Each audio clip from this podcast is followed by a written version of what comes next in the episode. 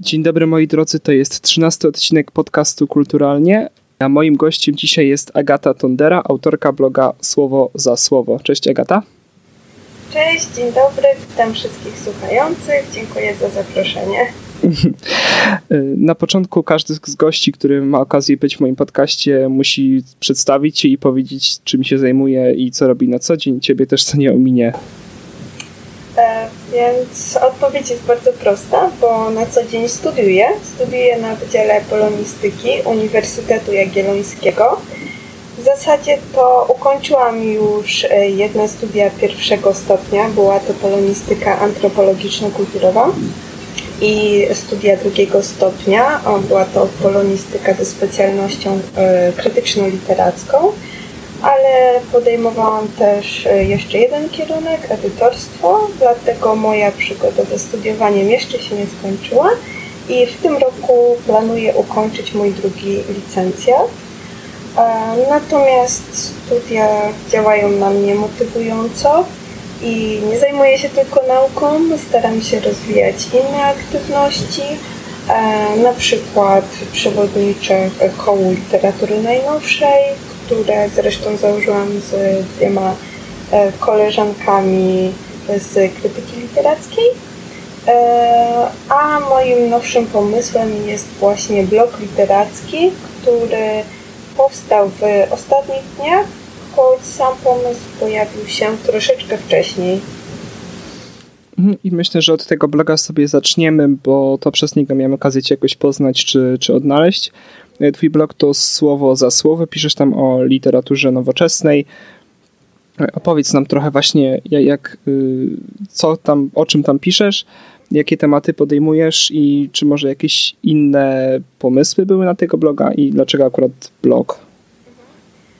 To może zacznę od końca, czyli mhm. w jaki sposób e, wpadłam w ogóle na pomysł, żeby założyć tego bloga pomyślałam sobie, że warto stworzyć miejsce, gdzie zamieszczałabym swoje wrażenia, doświadczenia lekturowe, bo kiedy się dużo czyta, tak jak ja, łatwo wpaść um, w taki e, ciąg czytelniczy, że odkładam jedną książkę, potem biorę kolejną i e, czasami brakowało mi tej refleksji końcowej, to znaczy oceniałam książkę w trakcie czytania, a nie robiłam sobie takiego podsumowania.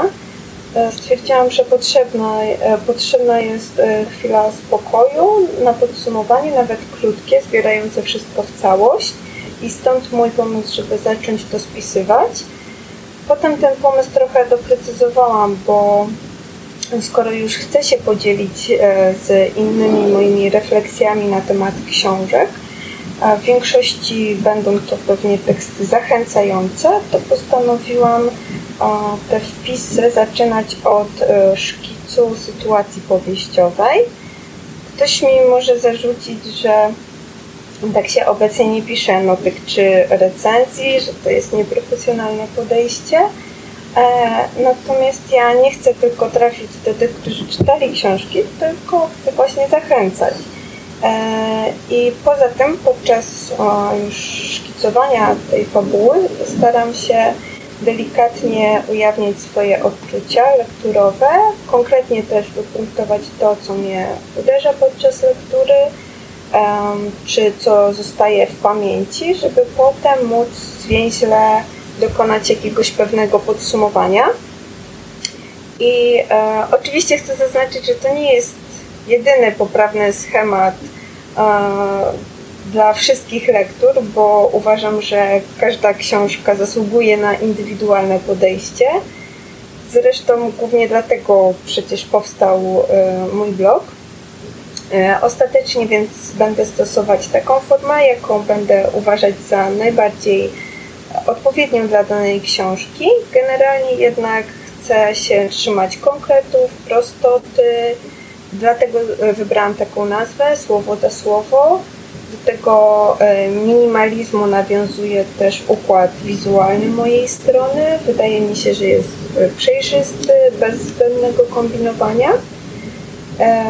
Natomiast o jakich książkach będę pisać? Na pewno nie o wszystkich, które czytałam i nie o wszystkich nowościach, które się pojawiają na rynku wydawniczym, bo to nie miałoby e, według mnie najmniejszego sensu. W zakładce o mnie napisałam, że chcę mówić o książkach, których się nie powinno zapominać, które stanowią inspirację, e, albo obok których nie mam zamiaru przechodzić obojętnie. I właśnie tego zamierzam się trzymać, bo lubię mówić o czymś, co mi się podobało. Może w ten sposób y, uda mi się kogoś zachęcić do przeczytania tych książek. W większości więc, tak jak mówiłam, będą to dobre oceny, nie wykluczam też negatywnych. Czytam różne gatunki, ale najwięcej przyjemności daje mi literatura piękna, więc jej należy się spodziewać na moim blogu. Z pewnością też będę pisać o reportażach, bo obecnie stoją w Polsce na wysokim poziomie E, i pojawia się ich coraz więcej, są też coraz bardziej doceniane. No więc co mogę powiedzieć? Zachęcić tylko do zaglądania na, na moją stronkę i śledzenia, czy wywiązuje się z tych wszystkich moich literackich postanowień. Wiesz co, a, a próbujesz bardziej książki przedstawiać, czy je recenzować? E, wydaje mi się, że próbuję łączyć obie te rzeczy. Mhm. To znaczy na początku chcę wprowadzić czytelnika w to, e, co się dzieje w tej książce, więc to byłoby to przedstawianie. Natomiast e, nie unikam tego elementu recenzji, ponieważ e, te teksty mają być założenia subiektywne i chcę pokazać to, co mi się podobało, bądź też nie podobało. Więc e, to jest e, taka mini recenzja, nie, nie rozbudowana, nie, e, nie zamierzam tworzyć długich wywodów, e, natomiast delikatnie zwracać uwagę na pewne sprawy. Wiesz co, pytam się o to, bo ja mam czasami tak, że jak muszę napisać jakąś recenzję, czy nawet nie muszę, czy chciałbym napisać jakąś recenzję, to mam czasami taki problem, bo po prostu nie umiem, nie? W sensie bez jakiegoś konkretnego podanego klucza y, pisanie dla mnie recenzji, recenzji czy ocenianie czegokolwiek jest po prostu trudne, nie?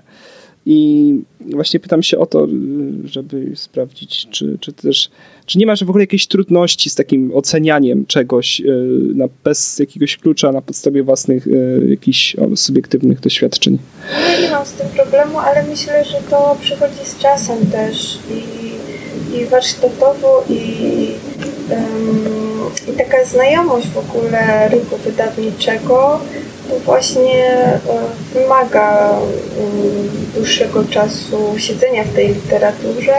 No i też studia mnie do tego przygotowywały, kiedy się tego uczyłam, więc to nie było tak, że od razu usiadłam i napisałam swoją recenzję. To jest pewien proces, w którym się tego nauczyłam. Mhm. To teraz przejdziemy do Twoich studiów, bo tych kierunków chyba skończyłaś dwa i studiujesz teraz trzeci. Czy tak? Tak, tak, dobrze.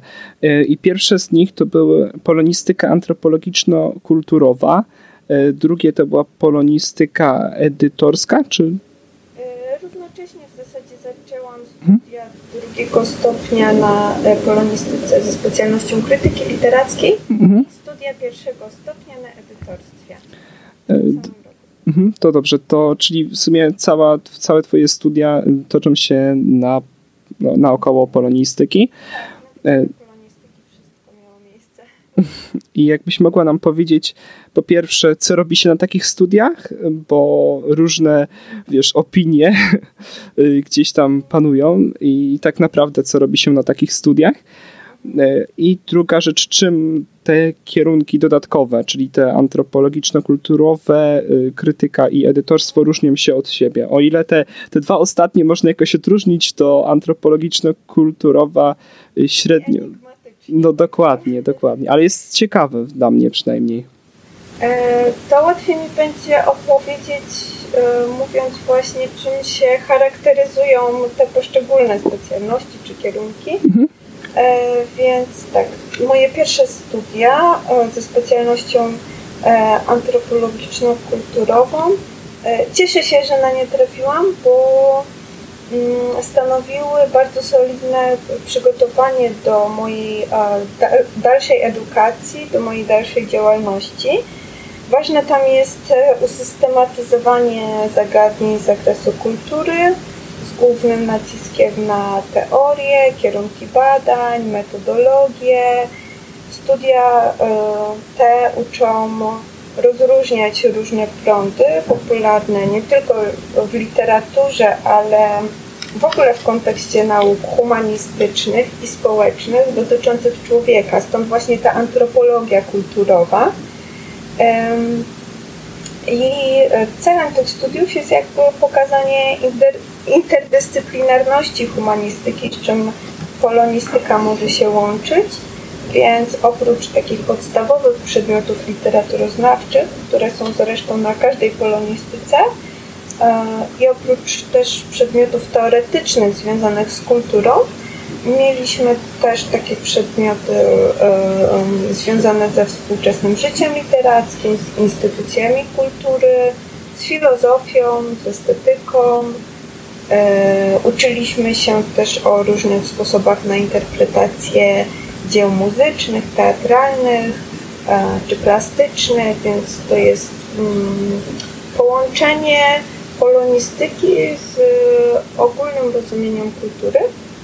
Jeszcze mhm. mogę dodać, że w międzyczasie, kiedy realizowałam te studia, też e, miałam okazję doświadczyć, jak się studiuje na specjalności nauczycielskiej, ponieważ zdecydowałam się na kurs przygotowujący do pracy w szkole i um, mogę ten kurs postawić trochę w kontraście do tych moich pierwszych studiów, um, ponieważ tam główny nacisk jest kładziony na praktykę. Um, pamiętam, że realizowałam wszystkie przedmioty dydaktyczne dla specjalności nauczycielskiej i oprócz przygotowywania konspektów, oprócz lekcji pokazowych, w ramach zajęć też wychodziliśmy do różnych placówek oświatowo-wychowawczych, żeby posłuchać problemów i e, o problemach, o sytuacjach e, z życia wziętych, a nie tylko takich, które działy się, jakby były omawiane e, w murach uczelni. Także tak wyglądały moje pierwsze trzy lata studiów. I potem stwierdziłam, że Chciałabym mieć więcej kontaktu z literaturą najnowszą, bo wiedziałam już wtedy, że chcę pracować e, w branży literackiej, więc muszę wiedzieć, co się aktualnie dzieje na rynku literackim. Z tego względu wybór studiów drugiego stopnia był dosyć prosty. Padło na filologię polską e, ze specjalnością z krytyki literackiej. No i jednocześnie postanowiłam spełnić swoje marzenie i wybrać się na edytorstwo. Natomiast wracając do krytyki, e, ten wybór okazał się dla mnie idealny, bo cały czas miałam styczność z literaturą najnowszą w trakcie tych studiów. Było y, kilka przedmiotów opcjonalnych, które wydaje mi się dobrze wykorzystałam. Na przykład na świetne zajęcia z literatury popularnej, o czym rzadko się mówi na innych kierunkach czy specjalnościach.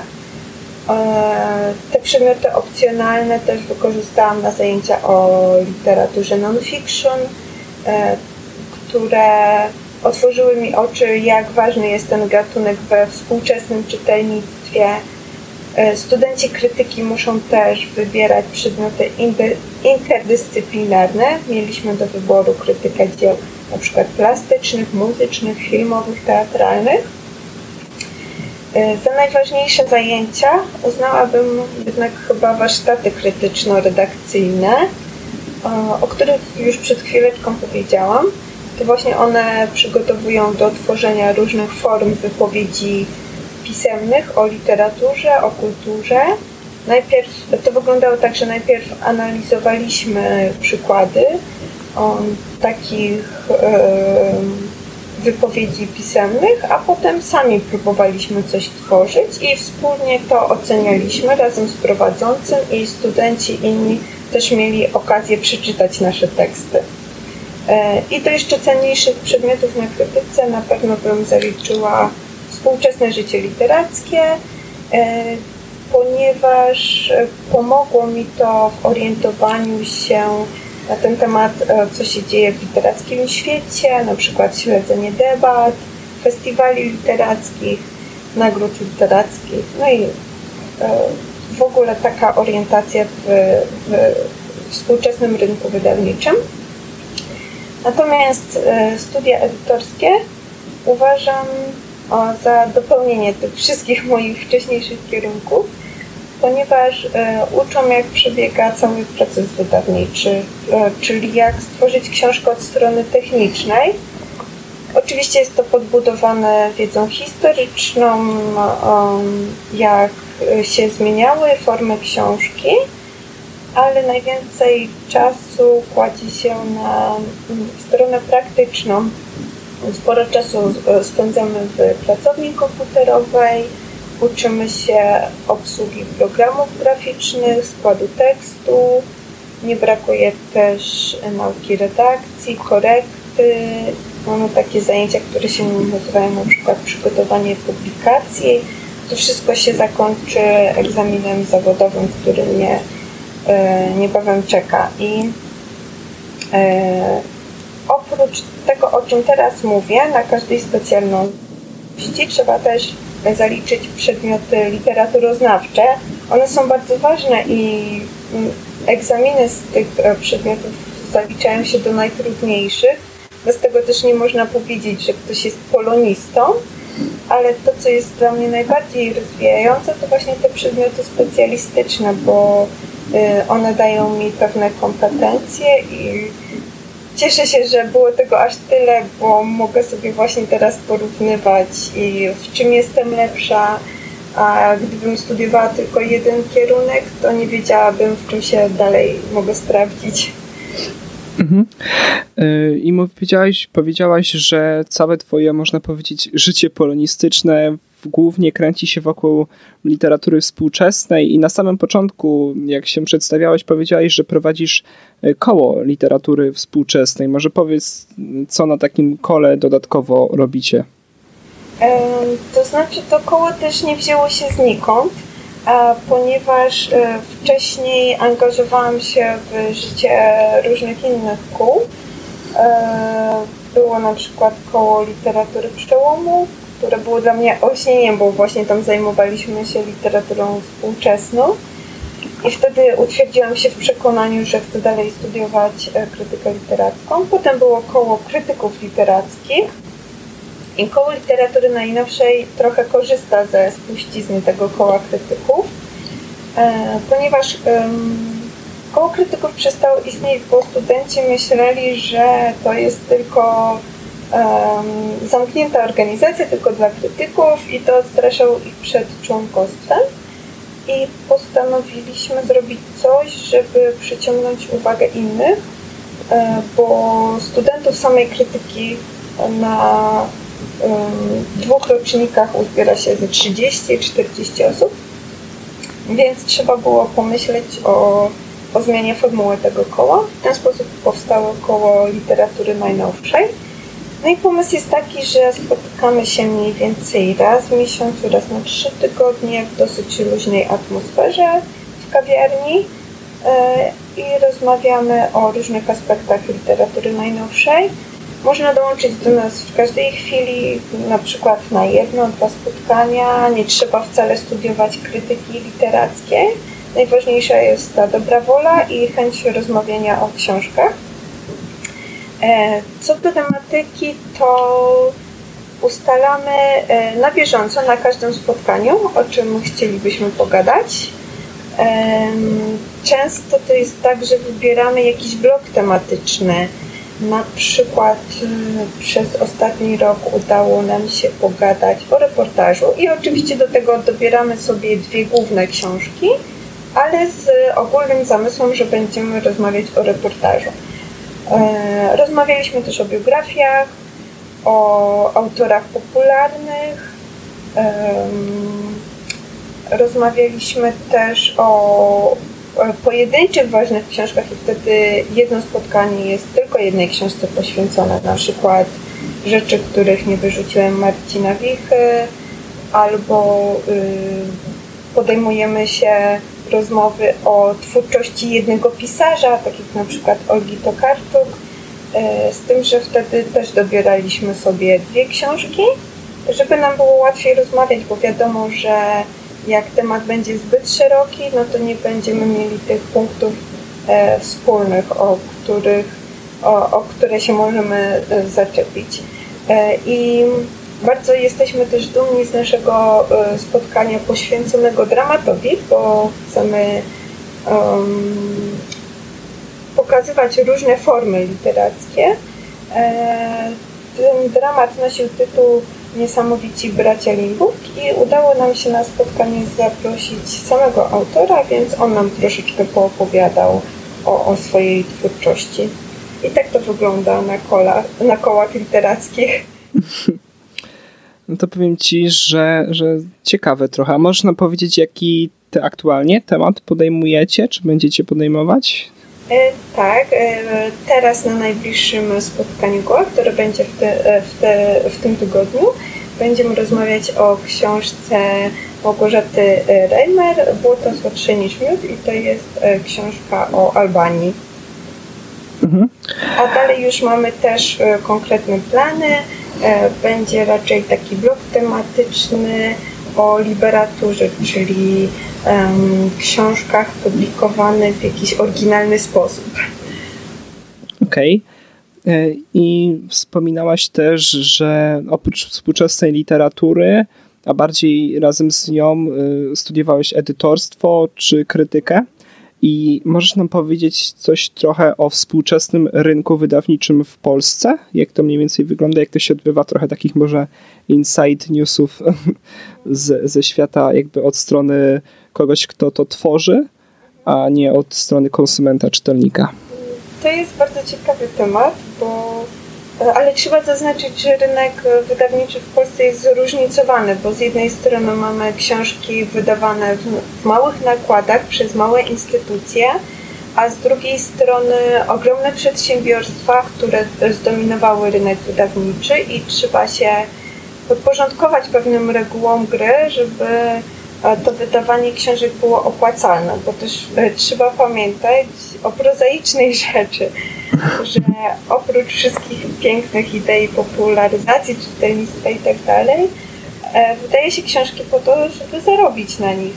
E, więc mm, przede wszystkim trzeba postawić sobie pytanie, mm, do kogo ta książka ma trafić jak ją promować, ile funduszy na nią przeznaczyć, e, czy zarobimy na przykład dzięki sieci dystrybucyjnej, czy za pośrednictwem super, e, hipermarketów, czy może na lokalnej promocji.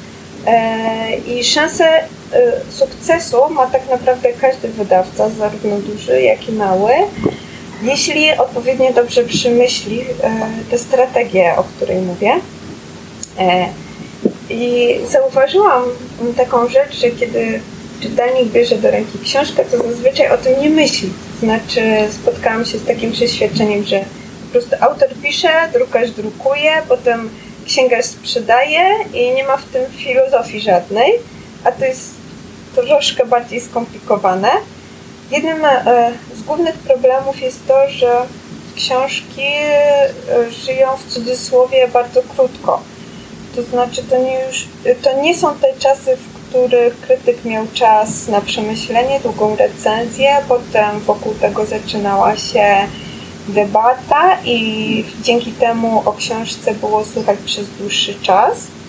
Teraz e, książka ma swój jeden moment, kiedy wchodzi na rynek, powiedzmy dwa tygodnie, miesiąc, żeby zaistnieć, żeby zobaczyć ją na tej najbardziej wyeksponowanej półce w księgarni, a potem wchodzą nowe książki i dlatego krytycy e, zazwyczaj zapoznają się z tekstem książki jeszcze przed oficjalną datą publikacji. To dlatego dzisiaj e, większość książek jest e, nazywanych bestsellerem, żeby zwrócić na nie uwagę, ale też wiadomo, że kiedy wszystko zyskuje miano bestselleru, to już nie robi takiego wrażenia. I jeśli chodzi o nasze literackie wybory, to często na nie mają wpływ sezonowe mody, na przykład dana tematyka, prasa, szczególnie prasa kobieca, opinie krytyków, z tym, że te opinie często przenoszą się do internetu, do mediów społecznościowych, e, czy właśnie na blogi. Bo w ten sposób można szybciej dotrzeć do odbiorcy.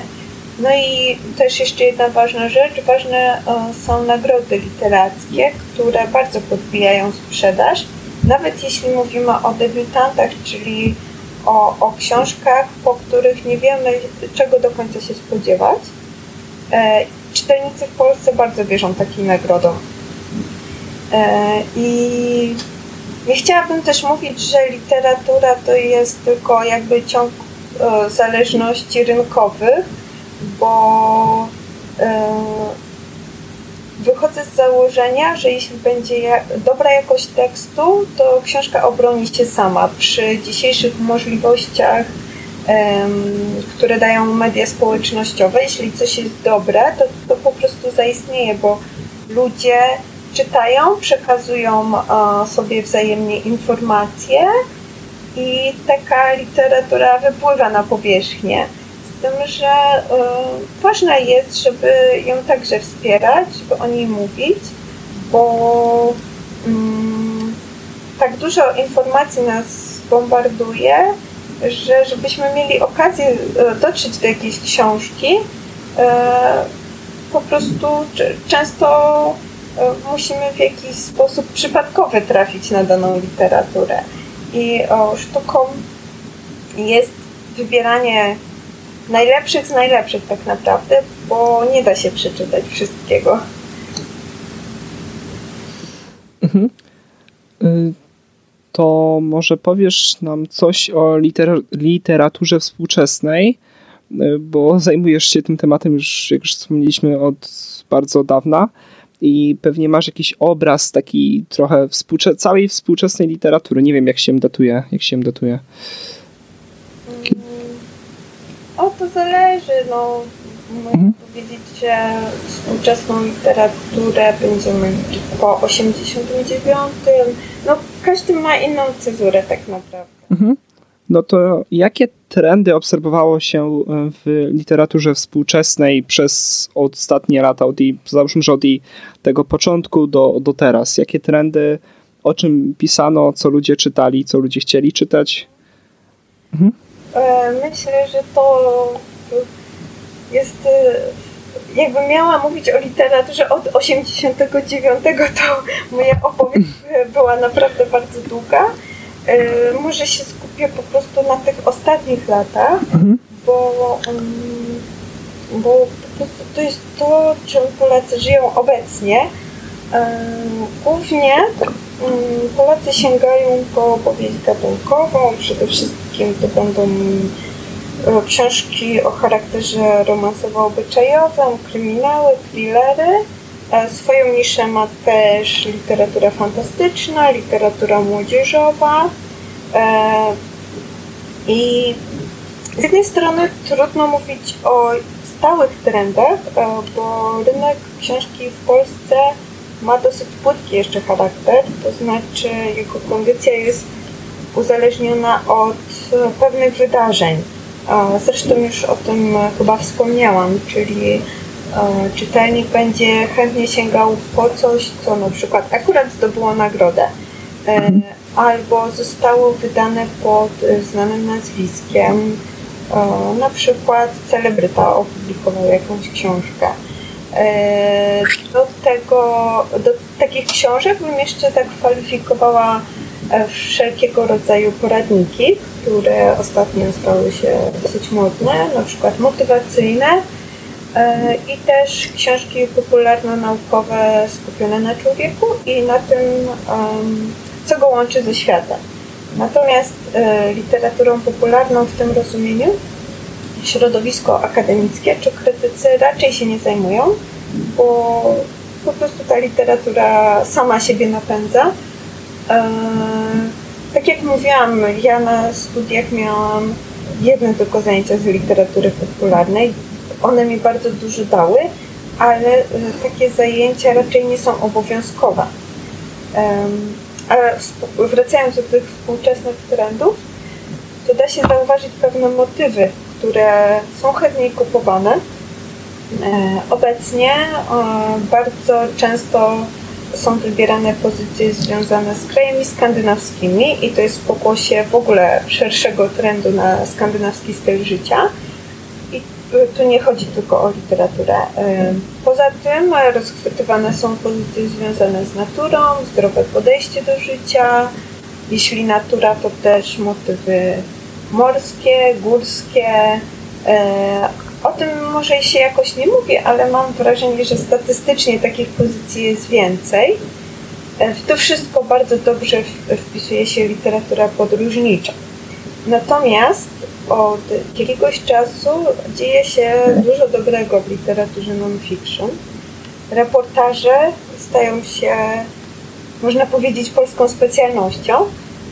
Obecnie mamy festiwale reporterskie. Prawie każde większe wydawnictwo ma już swoją serię reporterską, podczas kiedy jeszcze kilka lat temu monopol na reportaże miało tylko jedno wydawnictwo. W ostatnich latach, w 2017 roku został założony magazyn non-fiction, powstają też e, strony internetowe związane z literaturą tego typu. E, I w literaturze non-fiction jeszcze wyodrębniłabym jedną kategorię, czyli biografię, ponieważ Polacy obecnie zaczytują się opasłymi tomami o życiu znanych postaci. E, trochę do tego w kontrze stoją krótkie formy, ze szczególnym naciskiem na literaturę rodzinną, regionalną, chłopską. Powracają do nas motywy związane z PRL-em na przykład, e, więc ten rynek jest e, bardzo zróżnicowany, ale każdy rok jakby przynosi nowe motywy, które przeważają szale czytelnictwa. Mhm. To zanim jeszcze przejdziemy do kolejnych tematów, to jeszcze takie może głupie trochę, ale ciekawe pytanie. E, jak ty czytasz książki? W sensie, czy, czy je kupujesz? Czy masz coś takiego, że jak jakaś książka ci się podoba, to musisz ją mieć? Czy na przykład korzystasz z biblioteki? Czy, czy wypożyczasz? Może ktoś ci pożyczy książkę? Czy, czy musisz e, kupić książkę? Bo ja różne opinie słyszałem. I mi na przykład, nie wiem, wypożyczenie z biblioteki jakoś nie przeszkadza, korzystam z biblioteki, ale na przykład jak książka mi się podoba, czy po prostu mam okazję ją kupić, bo, bo po prostu tak, tak mi się podoba, to to ją kupię, nie? I jest czasami tak, że mam, mam takie coś, że książkę chciałbym mieć, ale z biblioteki też korzystam i jakby, nie wiem, może trzy czwarte wszystkich rzeczy, które czytam są z biblioteki, ale ta jedna czwarta, ta część to są te książki, które po prostu chciałbym mm, mieć, czy po prostu mhm, je kupić. No ja też się spotykam z różnym podejściem, jeśli o to chodzi. E, ja czytam na tyle dużo, że żadna forma pozyskiwania tych książek nie jest mi ani obca, ani straszna.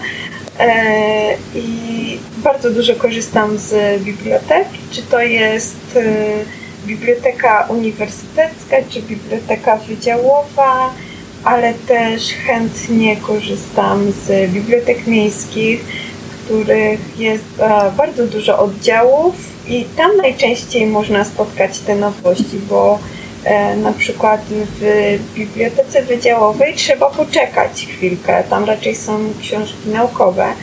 A w tych bibliotekach miejskich, e, które są dobrze dostępne, chwilę po wydaniu zaraz można e, znaleźć tę książkę. Oczywiście problemem czasami jest kolejka, bo jak już się taka pozycja pojawi, no to czasami jestem dziesiąta w kolejce wtedy wolę już sobie kupić taką książkę. Mhm. Natomiast bardzo lubię posiadać też swoje egzemplarze, bo y, mam sentyment do książek, y, szczególnie w takiej wersji papierowej, bo wiadomo, że zawsze jak już się weźmie tę książkę w ręku, to no, inaczej to wygląda i poczuć tę książkę, dotknąć jej. To też jest ważny aspekt czytelnictwa, myślę. E, i, i potem przechować ją na półce, nawet komuś pożyczyć, ale później ta książka do mnie wraca, więc te, te książki, z którymi wiążę największy sentyment, to obowiązkowo stoją na mojej półce. Mhm, tak jeszcze y, kontynuując temat, y, czytasz e-booki? Czy, czy, czy nie? Czy ten format kompletnie do ciebie nie przemawia? Bo ja mam tak, już to mówiłem w poprzednim odcinku, że totalnie formy takie, chodziło akurat o magazyn, chodziło o magazyn, że forma elektryczna czy elektroniczna, nie wiem jak to się mówi, y, czy coś, co na mnie patrzy z ekranu, to po prostu dla mnie nie. Ja muszę mieć wydrukowane, żeby to po prostu tak mi się lepiej czyta. Rozumiem, bo tylko też miałam takie podejście. E, zawsze mi łatwiej obcować z książką, którą mam na papierze, bo jednak mhm, moja Dokładnie. koncepcja wzrokowa jest inaczej ustawiona. Może to młodsze pokolenie już e, troszeczkę inaczej działa, a e, ja byłam bardzo przyzwyczajona do papieru, chociaż e, powolutku przestawiam się też na e-booki, bo to jest wygodniejsza wersja. To znaczy, kiedy jadę w podróż, i e, chciałabym nie być obładowana książkami, a mam mnóstwo pomysłów na to, co przeczytać, e, to biorę ze sobą czytnik e, i po prostu e, czytam to na czytniku, bo, bo, e, bo to jest lżejsze i no bardziej tak e, eko, ekonomiczne, więc obecnie korzystam z tych dwóch rodzajów. Chociaż większy sentyment nadal mam do książki papierowej.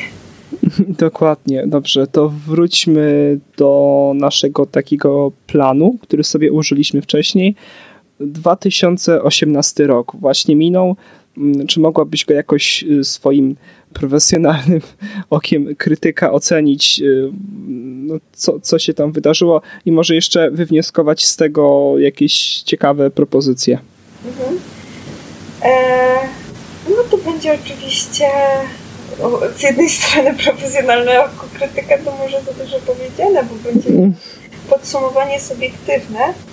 E, według mnie 2018 rok e, powinien być zapamiętany jako rok nagrody Bookera dla Olgi Cukerczyk za biegunów i to było dla mnie jakieś tam ważne wydarzenie literackie. Sporym wydarzeniem literackim w Polsce było opublikowanie kolejnej powieści Wiesława Myśliwskiego pod tytułem Ucho Igielne. E, tym bardziej, że po jego ostatniej książce, czyli ostatnim rozdaniu, autor deklarował, że już nic więcej nie opublikuje. W, e, w tej jego książce mm, oprócz tego, że, że były motywy charakterystyczne dla niego i tak samo charakterystyczny gawędziarski styl, to można zauważyć pewne nowum ze względu na pomysł fabularny, to znaczy e, dwóch bohaterów, stary i młody, okazują się tym samym bohaterem, który się spotyka gdzieś tam w środku swojej drogi życiowej i to niesie ze sobą spore przesłanie egzystencjalne w takich kwestiach tożsamościowych. Jak najbardziej mogę tę książkę polecić. E, I 2018 był też rokiem sprzyjającym publikowaniu książek, które są zaskakujące właśnie pod względem formy. Są wielogłosowe, pokazują różne perspektywy. Tu bym z polskich książek wymieniła na przykład Innych ludzi, Doroty Masłowskiej, a z zagranicznych Lincolna w Bardo. Może nie będę streszczać tych książek w tym momencie, mhm. tylko zachęcę do sięgnięcia po nie, bo to jest e, fajne doświadczenie zetknięcia się z e, inną formą niż do tej pory byliśmy przyzwyczajeni. E, jeśli chodzi o ten rok, to wydaje mi się, że dobrze się dzieje w sferze literatury LGBT. Może o tym się nie mówi, ale środowisko literackie zauważyło takie książki jak Foucault w Warszawie, Remigiusza Ryzińskiego czy Lesbos Renaty Lis. E, a tak najwięcej dobrych kuponów obecnie, tak jak mówiłam, odcina literatura non-fiction i tu można by długo wymieniać dobre tytuły, pierwsze, co mi przychodzi na myśl, no to właśnie Małgorzata Reimer, o którym by, o, o, o Błoto słodsze niż miód. E, o, o tej książce właśnie będziemy rozmawiać e, na naszym najbliższym spotkaniu koła. E, inne książki warte przeczytania to nie ma Mariusza Szczygła, Aleja Włókniarek Madejskiej, Służące od wszystkiego, Kuciel Frydryszak czy Przemilczany Janny Ostrowskiej. Dodałabym też takie związane z, z naturą, z podróżami, na przykład szlaki albo góry McFarlane'a. E, I też taka książka, która osobiście bardzo do mnie jakoś tam trafiła, e, to był ostatni pustelnik Finkela.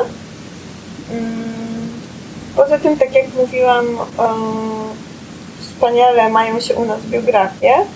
W tym roku warto zwrócić uwagę na biografię Sandlerowej, Wiko, i też na biografię Krzysztofa Komedy autorstwa Grzebałkowskiej. W kontrze do tych biografii obszernych, tak jak mówiłam, mamy e, krótkie formy. E,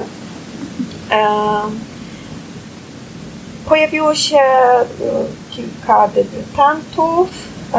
Wśród najważniejszych książek tych krótkich form wymieniłabym Mikrotyki Pawła Sołtysa i ta książka zdobyła Nagrodę Literacką w Gdynie w kategorii prozy po trochu Weroniki Gogoli. To jest debiuta, debiutantka, która e, wygrała nagrodę Konrada. E, I jeszcze dorzuciłabym Rejwach e, Mikołaja Grünberga. W ogóle mm, Polacy coraz chętniej czytają prozę minimalistyczną, która pozostawia sporo niedomówień i dzięki temu pozostawia pole do interpretacji. Potwierdza to wybór Nagrody Literackiej Nika w tym roku. Zwyciężył Marcin Flicha ze swoją książką Rzeczy, których nie wyrzuciłem. Ta książka została opublikowana rok wcześniej, a w tym roku została doceniona. E, przypomnę e, tylko, że Licha zawodowo nie zajmuje się literaturą, jest grafikiem w wydawnictwie i to dużo świadczy o potrzebie świeżości, i oddechu w polskiej literaturze. Natomiast e, z rzeczy do nadrobienia z 2018 mm, mam jeszcze do przeczytania Dom z dwiema wieżami Macieja Zaręby Bielanskiego e, i Ostępy nocy e, Barnes. Tak. I to jeśli chodzi o ten 2018 rok. Mm, natomiast mm, mogę też powiedzieć, na co czekam e, w tym roku. Mhm. No to proszę. Zamierzam na pewno śledzić książki, które ukazują się pod e, szyldem wydawnictwa literackiego. Tak jak na przykład Migawki autorstwa Magrisa, E, też najnowsza książka Wojciecha Tochmana, Pianie Kobutów Płaczców e, i e, pierwsza osoba Flanagana. Ciekawym wydarzeniem może być kolejna książka Margaret Atwood, chociaż nie wiem, czy wyjdzie w tym roku, ale autorka zadeklarowała, że powstanie kolejna część opowieści podręcznej. Ostatnio dużo osób przypomniało sobie o tej książce na fali serialu, który powstał. Mhm. Um, oczywiście będę też czekać na reportaż. Um, będę podczytywać sobie magazyn Nonfiction, bardzo go polecam. Będę też czekać na kilka książek, które się ukażą w serii reporterskiej wydawnictwa poznańskiego. Na przykład jedna z nich e, będzie poświęcona e, kobietom z mazowieckich wsi. E, akurat się stamtąd wywodzę, więc bardzo chętnie poczytamy, co kobiety z moich rejonów mają do powiedzenia. Mhm. Natomiast spośród literatury pięknej koniecznie trzeba zwrócić uwagę na Śpiewajcie z prochów Śpiewajcie Jamesa Warda. Przepraszam, przepraszam Jasmine Ward. I tak jak mówiłam, moje zainteresowania też kierują się ku ambitniejszej literaturze pięknej, więc będę śledzić nowości wydawnictwa Pauza, które specjalizuje się w wyłapywaniu takich książek. Będę też zaglądać na e, strony innych różnych wydawnictw, na przykład e, marginesów, charakteru. Myślę, że, że to, to jeszcze um, będziemy się dowiadywać o kolejnych zapowiedziach, bo na razie e, znamy zapowiedzi na pierwsze miesiące tego roku, a kolejne kwartały, no to już, już bliżej e, nie są sprecyzowane. No to teraz e, widzisz, teraz dopiero widzę, że przy mojej następnej wizycie w bibliotece e, będę, wyjdę z całym worem książek. E, teraz chyba najtrudniejsze pytanie, jakie mogę ci zadać. Czy masz swoją jakąś ulubioną książkę? E, tak, to jest na pewno trudne pytanie, bo uważam, że skrzywdziłabym inne książki, gdybym powiedziała tylko o jednej, jedynej. E, ale tak jak zresztą zaznaczyłam na swoim blogu, jestem fanką twórczości Cabrego z pisarzy zagranicznych. I tutaj uwielbiam jego książkę pod tytułem Wyznaję e, ze względu na polifoniczność, ze względu na innowacyjną formę, na to, że, że jest e, z jednej strony tak rozległa czasowo, a z drugiej strony tak bliska tożsamościowo. Mhm. E, może to jest bardzo ogólnie powiedziane, ale zachęcam do zapoznania się, się z kompozycją i w ogóle z twórczością Cabrego. Natomiast z polskich pisarzy bardzo cenię sobie Wita Szostaka mm, i książka, która najbardziej do mnie trafiła, to jest Wrażenie z wnętrzności, o czym już napisałam na, na blogu, więc po prostu zachęcę do, do przeczytania tej notki. E, wiem, że Szostak już e, napisał swoją kolejną książkę mm, i mam nadzieję, że niebawem zostanie wydana, więc e, z niecierpliwością na, na nią czekam. Więc to takie moje typy ulubionych pisarzy, może nie ulubionych książek, ale ulubionych pisarzy. Mhm. E, moim gościem była Agata Tondera, e, autorka bloga Słowo za Słowo. Zresztą już się Wam przedstawiła, opowiedziała wszystkim, co robi. Link do tego bloga jest w opisie. Możecie też zajrzeć nasze Facebooki, na Facebooka Agaty, y, czy tam bloga Słowo za Słowo oraz też na mój kulturalnie podcast. Dziękuję Ci Agata bardzo. Dziękuję bardzo. A my słyszymy się w kolejnym odcinku. Cześć.